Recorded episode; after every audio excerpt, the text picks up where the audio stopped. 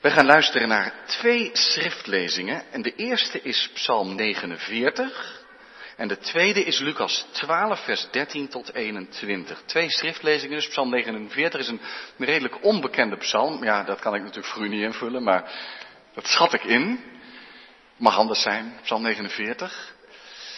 En we lezen ook Lucas 12. Psalm 49. Een psalm voor de koorleider van de zonen van Korach. Hoor dit, alle volken, neem het ter oren, alle bewoners van de wereld, zowel eenvoudigen als aanzienlijken, rijk en armen samen. Mijn mond zal enkel wijsheid spreken, en de overdenking van mijn hart zal vol inzicht zijn. Ik zal mijn oor neigen tot een spreuk. Ik zal mijn verborgenheden onthullen bij hartspel. Waarom zou ik bevreesd zijn in de dagen van onheil, wanneer de onrechtvaardigen mij op de hielen zitten en mij omringen? Zij vertrouwen op hun vermogen en beroemen zich op hun grote rijkdom. Niemand van hen kan zijn broeder met der daad verlossen. Hij kan God zijn losgeld niet geven. De losprijs voor hun leven is immers te kostbaar en zal voor eeuwig ontoereikend zijn. Hij zal dan voor altijd verder leven en het verderf niet zien.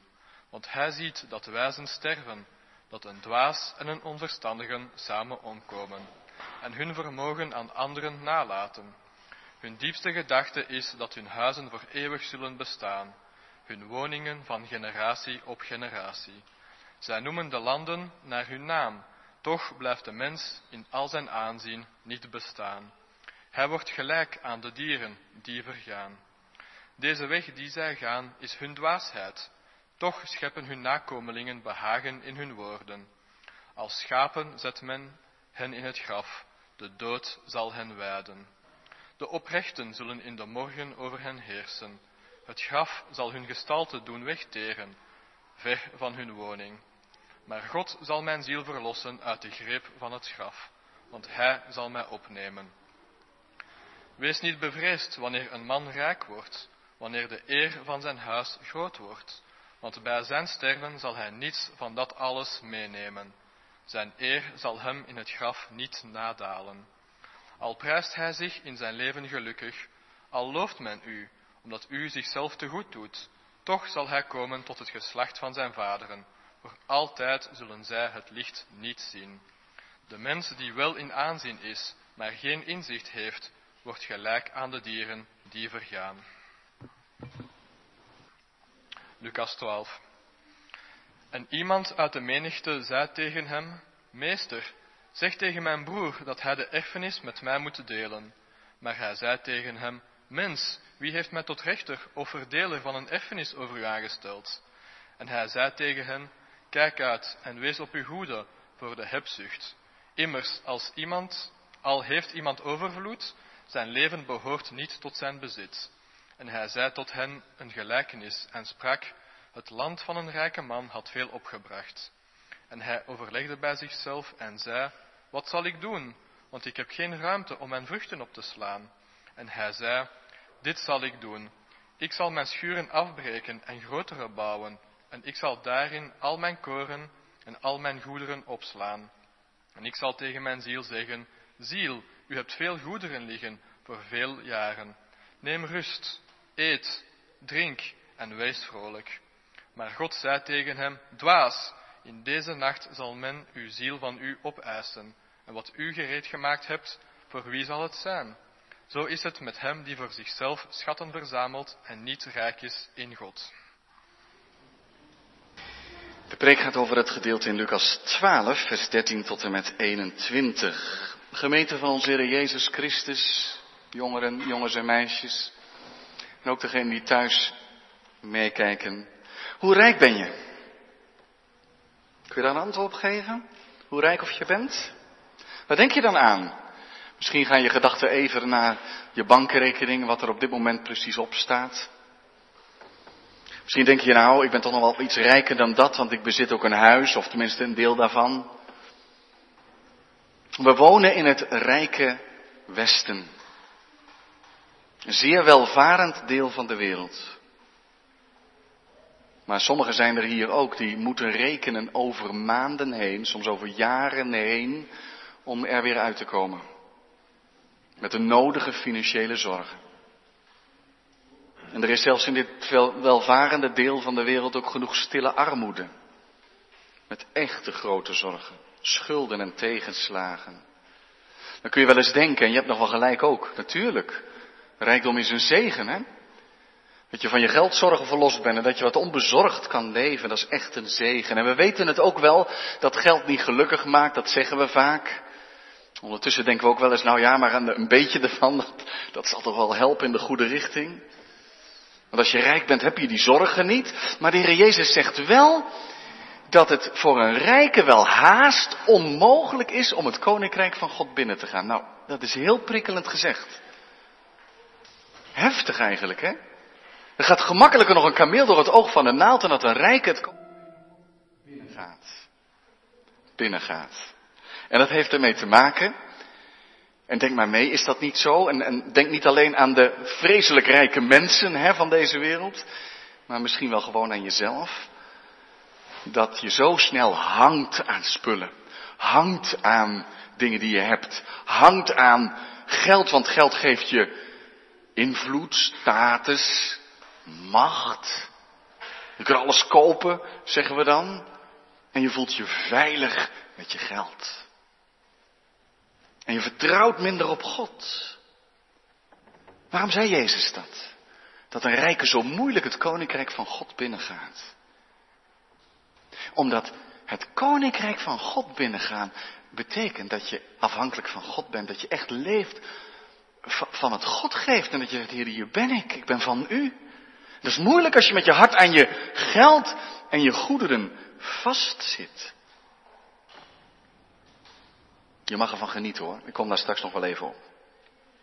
En toch, met dankbaarheid, we hebben het in beheer gekregen. Jezus waarschuwt in dit gedeelte voor hebzucht. Je moet niet rijk willen zijn in deze wereld. Want deze wereld gaat voorbij.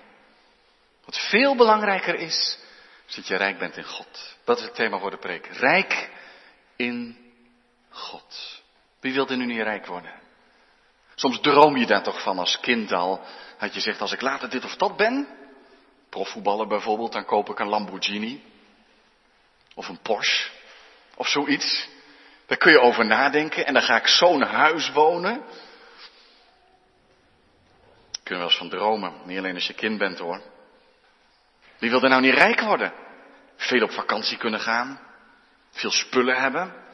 Natuurlijk geef je dan ook wel weg. Dat hoort bij de plannen natuurlijk, hè. Maar, maar toch, rijk worden is wel heel fijn. Zegt Jezus nou dat je dat niet mag zijn? Nee, dat zegt Jezus niet. Mogen er rijke mensen zijn? Ja. Hij voegt er wel een waarschuwing bij dat het niet makkelijk is hoor om rijk te zijn en toch helemaal op God te vertrouwen. De heer Jezus vertelt over een man, hè, we komen daar straks nog wel even op, die, zoals jullie in het kindermoment ook hoorden, die, die zijn schuur als spapot had. En hij wilde grotere schuren bouwen. Hij zegt, ik moet ze maar eens afbreken, want het moet allemaal veel groter. Is dat fout? Misschien is het hier iemand aan het meeluisteren die net zijn schuren vernieuwd heeft. Die zal wel gedacht hebben, wel heb ik nou, mag dat dan niet? Ja, dat mag. Wat, wat is het probleem? Dat is het probleem niet, want je moet goed beheer voeren. Dus als je een eigen bedrijf hebt en je materialen nemen toe en je hebt eens een nieuwe schuur te zetten, dan zet je een nieuwe schuur. Hoort bij goed beleid. Dat is het probleem niet. Het is wel opvallend dat als je dat verhaal leest wat Jezus vertelt over die rijke man, dat die man wel aan het woord is, maar dat hij alleen tegen zichzelf praat. Is het je opgevallen? Hij praat alleen maar tegen zichzelf. Mijn ziel, ik zal dit of dat eens doen. Nou, dat is kenmerkend voor deze man. Hij vult zijn hele leven. Hij zegt, het gaat om mij. Ik heb dit gedaan. Ik heb, het is mij, mij, mij. Ik ga ervan genieten. Dat is het. Hij bouwt zijn zekerheid en zijn genot op wat hij bezit. En dan zegt Jezus, en dat is eigenlijk iets wat je met je boerenverstand kan begrijpen. Dan zegt Jezus, je kunt van alles kopen in het leven. Soms zeggen we dat wel eens tegen elkaar, hè? Alles is te kopen en er maar genoeg geld voor neerlegt. Je kunt alles kopen, maar Jezus zegt, je kunt je leven niet kopen. Je kunt niet zoveel neertellen dat je zegt, nou heb ik de dood afgekocht, losprijs voor de dood betaald. Nu kan ik eeuwig leven. En om maar even heel praktisch te zijn, je zult maar rijk zijn En dan komt er een overstroming. Of een crisis, een financiële crisis, of een viruscrisis, of een aardbeving, of een oorlog, of of zoals de Jezus zegt, als je nog denkt, ja maar die aardbeving, dat is Haiti en die oorlog, dat is Afghanistan en die overstroming, oh, dat is toch al wel dichterbij, maar goed, Antwerpen hoog zat. En Jezus zegt, en dan sterf je, zomaar. Wat heb je dan? In het gedeelte hiervoor, dat is, dat is toch wel opvallend, is de Heer Jezus ernstig aan het spreken. Hij zegt tegen zijn discipelen, jullie moeten echt moed houden hoor. Het zal moeilijk zijn, ze zullen je misschien vervolgen, maar vertrouw maar op de Heilige Geest. Heel bemoedigend spreekt hij hen toe. En ook heel aansporend. Je moet wel echt mijn naam beleiden voor de mensen. Hè? Hij zegt in vers 4, vrees maar niet voor hem die het lichaam kunnen doden en daarna niets meer kunnen doen. Wees eerder bevreesd voor hem die nadat hij gedood heeft ook macht heeft in de hel te werpen. Ja, wees maar bevreesd voor hem. Zie je hoe ernstig de Heer Jezus daar spreekt en tegen de mensen zegt, tegen zijn discipelen, als het moeilijk is om mij te volgen, ach, het mag moeilijk zijn in dit leven, maar dan wacht het eeuwige leven. Maar als je daarvoor wegduikt en je ontkent mij, dan, dan moet je vrezen voor God die je ziel in de hel kan werpen. Zo spoort Jezus de discipelen aan. Er zijn tienduizenden mensen, staat er in het eerste vers, op de been. En Jezus houdt daar, zou je kunnen zeggen, een aansporende, bemoedigende en vurige preek. En dan is hij even stil, en dan laat hij het even bezinken. En er is er één man die steekt zijn vinger op, zijn hand op. Die wil blijkbaar wat zeggen. In die preek, hè? En zegt Jezus, ja, zeg het maar. En dan zegt hij, nou ja, mijn broer wil de erfenis met mij niet delen. Begint hij over de erfenis. Nou, dat kan wel een punt zijn. En natuurlijk moet er recht gebeuren als u zegt, ik heb ook nog een erfeniskwestie en dat ligt bij de notaris en misschien bij de advocaat. Dat zal belangrijk zijn, ik ontken dat niet. Maar midden in die preek van Jezus over, richt je nou niet op het aardse. Want dit aardse gaat voorbij. Het is veel belangrijker dat je God hebt en dat je het eeuwige leven hebt. En midden in die preek, en ik weet niet of je dat herkent, ik denk dat ik het wel herken, al maak ik het net iets minder mee dan u, maar dat je zit te luisteren naar een preek. En dat de preek gaat over Gods glorie en heiligheid en goedheid in je gedachten. Die zit erbij. Je was nog werk aan het zoeken. Bij je baan en bij je huis en bij je hypotheek en bij. Dat is allemaal heel begrijpelijk hoor. Maar dat moet bij deze man ook gebeurd zijn. Die heeft daar naar Jezus, Jezus zit daar te luisteren en die heeft gedacht, nou ja, die man die, die helpt mensen, die geneest mensen, dan kan hij mij mijn, mijn erfenis ook wel eh, helpen. Dus ik wacht wel even totdat hij even een, eh, een stilte laat vallen. En dan steekt hij zijn hand op. En midden in die ernstige preek van Jezus, van het einde van die ernstige preek, zegt hij, mijn broer is vervelend. Hij wil niet luisteren. Kunt u helpen dat ik van die erfenis ook mijn deel wat meer krijg, want ik loop een bedrag mis. En dan zegt Jezus, ja, daar ga ik niet over, man.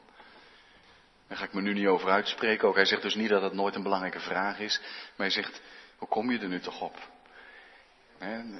nu, het over de echt belangrijke dingen gaat, zit je weer over dat aardse bestaan wat zijn belang heeft, maar, maar toch. Hè?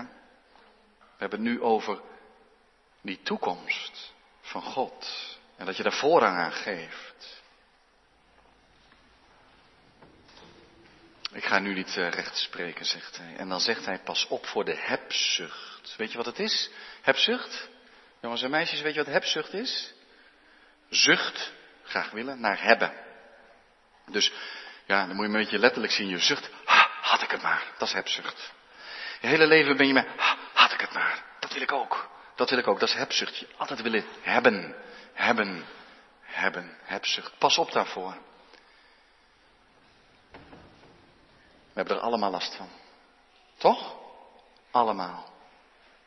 Misschien denk je wel bij jezelf, ja, maar je mag er ook dingen willen hebben. Ja, denk ik ook. Als je ergens voor aan het sparen bent, mag best, natuurlijk.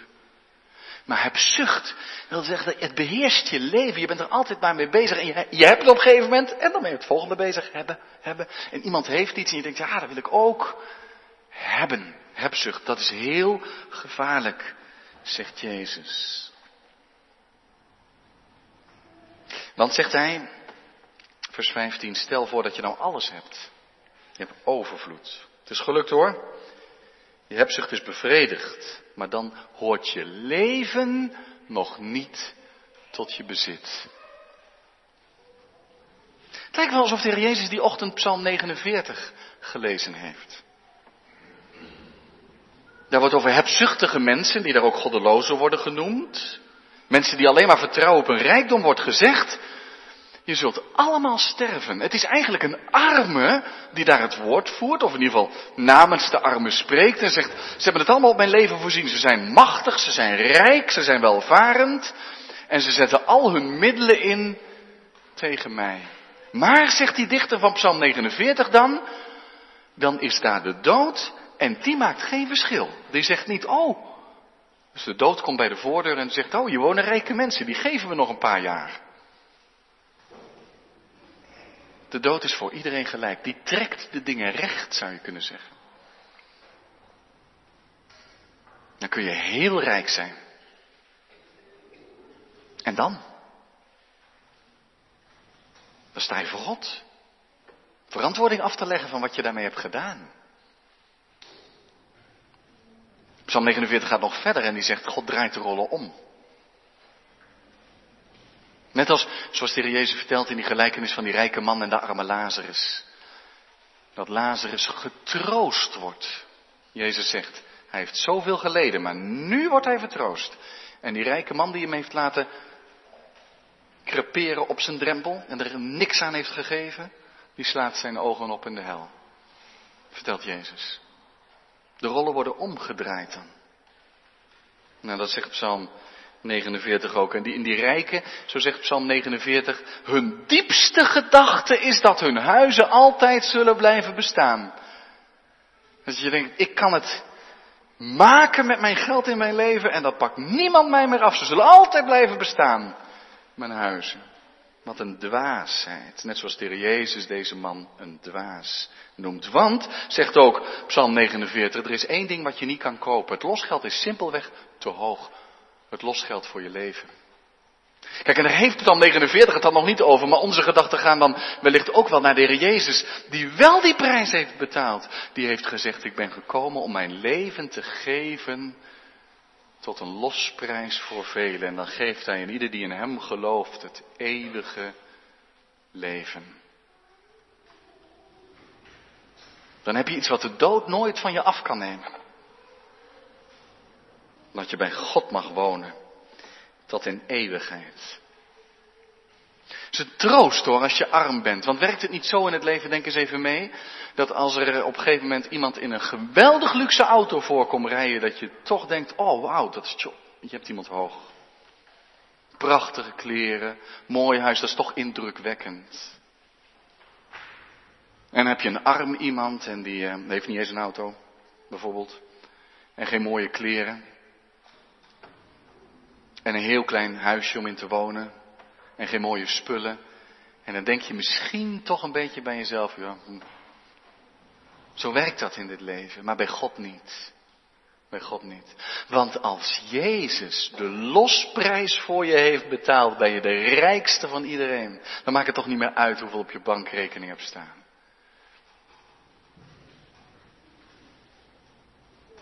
Weet je dat apostel Jacobus daar een beetje mee bezig is in zijn brief in hoofdstuk 2, dat hij dat merkt in de gemeente. Dat er soms zegt hij, komt er iemand met een gouden ring de gemeente binnen en zeggen we, oh, kom jij maar op de beste plek zitten. En een arme, dan zeg je, nou ja, een beetje daar achter die schuifwand om het hoekje daar, mag jij dan zitten. Of beneden. Als je goed luistert hoor je het wel. Zo niet, zegt Jacobus. Bij God is geen aanzien des persoons. God draait het om. Als God verschil maakt, kiest hij voor de armen. En zegt hij, al die macht die rijken denken te hebben, daar prik ik dwars doorheen. Dan vertelt Jezus dat verhaal van die man die het zo goed heeft gedaan, die heeft goed geboerd, zeggen we dan wel eens. Hè? Nou, hij mag er van mij van genieten hoor, van Jezus denk ik ook gegund. Maar hij praat alleen maar in zichzelf en tegen zichzelf, hij is rijk in zichzelf. Zo staat het er ook. Vers 21 zegt, zo is het met hem die voor zichzelf schatten verzamelt. Dat is het punt blijkbaar. Hij verzamelt schatten voor zichzelf. Ja, wacht even, mag dat dan niet? Nee, nee, nee. Laten we er niet omheen draaien, dat mag niet. Dat wil niet zeggen dat je het niet mag beheren. En ik zei al, bouw dan maar nieuwe schuren met graan. Of, of open dan maar een nieuwe spaarrekening. Of, of weet ik veel wat. Of u mag dat allemaal beheren. Maar niet voor jezelf alleen. Echt niet. Je mag genieten van wat God je geeft. Maar je doet dat in een wereld waarin mensen het heel moeilijk hebben. Het hoofd niet boven water kunnen houden. Dan ben je geroepen om uit te delen. Wat een dwaze man, zegt Jezus. Hij vergeet zijn leven. Het verhaal eindigt maar zo abrupt. De man sterft. En waar blijft het allemaal? Je kunt je rijkdom zomaar kwijtraken. Het leven is kwetsbaar genoeg. Ik noemde al voorbeelden. Een bosbrand, een overstroming, een aardbeving, een, een epidemie, een crisis. Het kan allemaal. Of zomaar een ziekte. Of je sterft. En van al die eer en aanzien kun je niks meenemen. Wees rijk in God. Zul je dat onthouden? Rijk in God. Wat is dat? Dat je gelukkig bent omdat je God hebt. Dat zijn liefde en genade je alles is. Dan ben je net zo rijk als dat kind wat een spaarbankboekje heeft. Kan er nog niet bij, dus hij zegt ja, kan er nu nog niet zoveel mee, maar het is er wel. En hij krijgt het ook. Zo zijn de armen die op God vertrouwen. Die kunnen van die, al die rijkdom zeggen, ik kan er nog niet zoveel mee in dit, deze wereld, maar ik heb Jezus in mijn hart. En een vader in de hemel.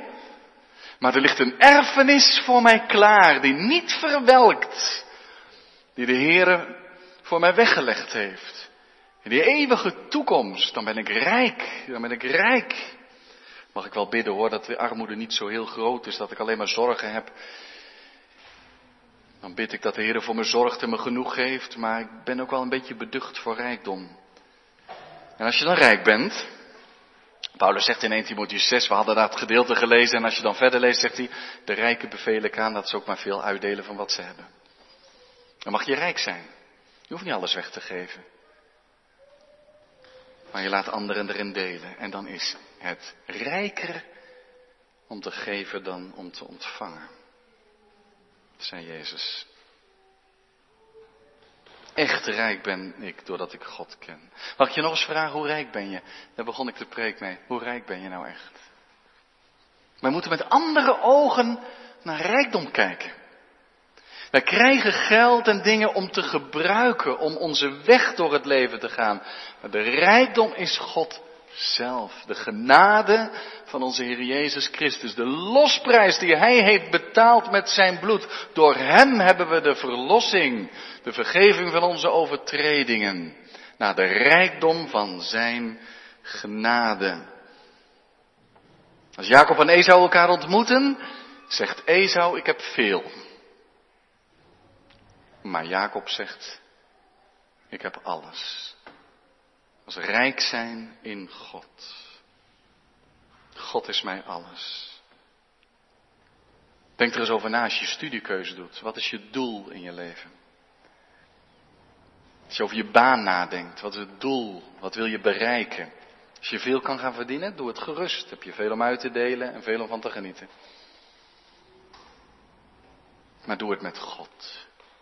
Wees rijk in de Heer Jezus Christus. Want anders ben je straatarm, hoeveel je ook hebt. Echt, echt arm. Oh, ben je arm? Voel je je arm? Is het zorgelijk financieel? Niemand kan je deze rijkdom afpakken. God zorgt. Wees getroost. Laat je geen zand in de ogen strooien door de rijkdom en aanzien die je ziet om je heen. Het gaat voorbij. Echt rijk ben je. Als je leeft met God, vervuld bent van de genade van onze Heer Jezus Christus. Amen.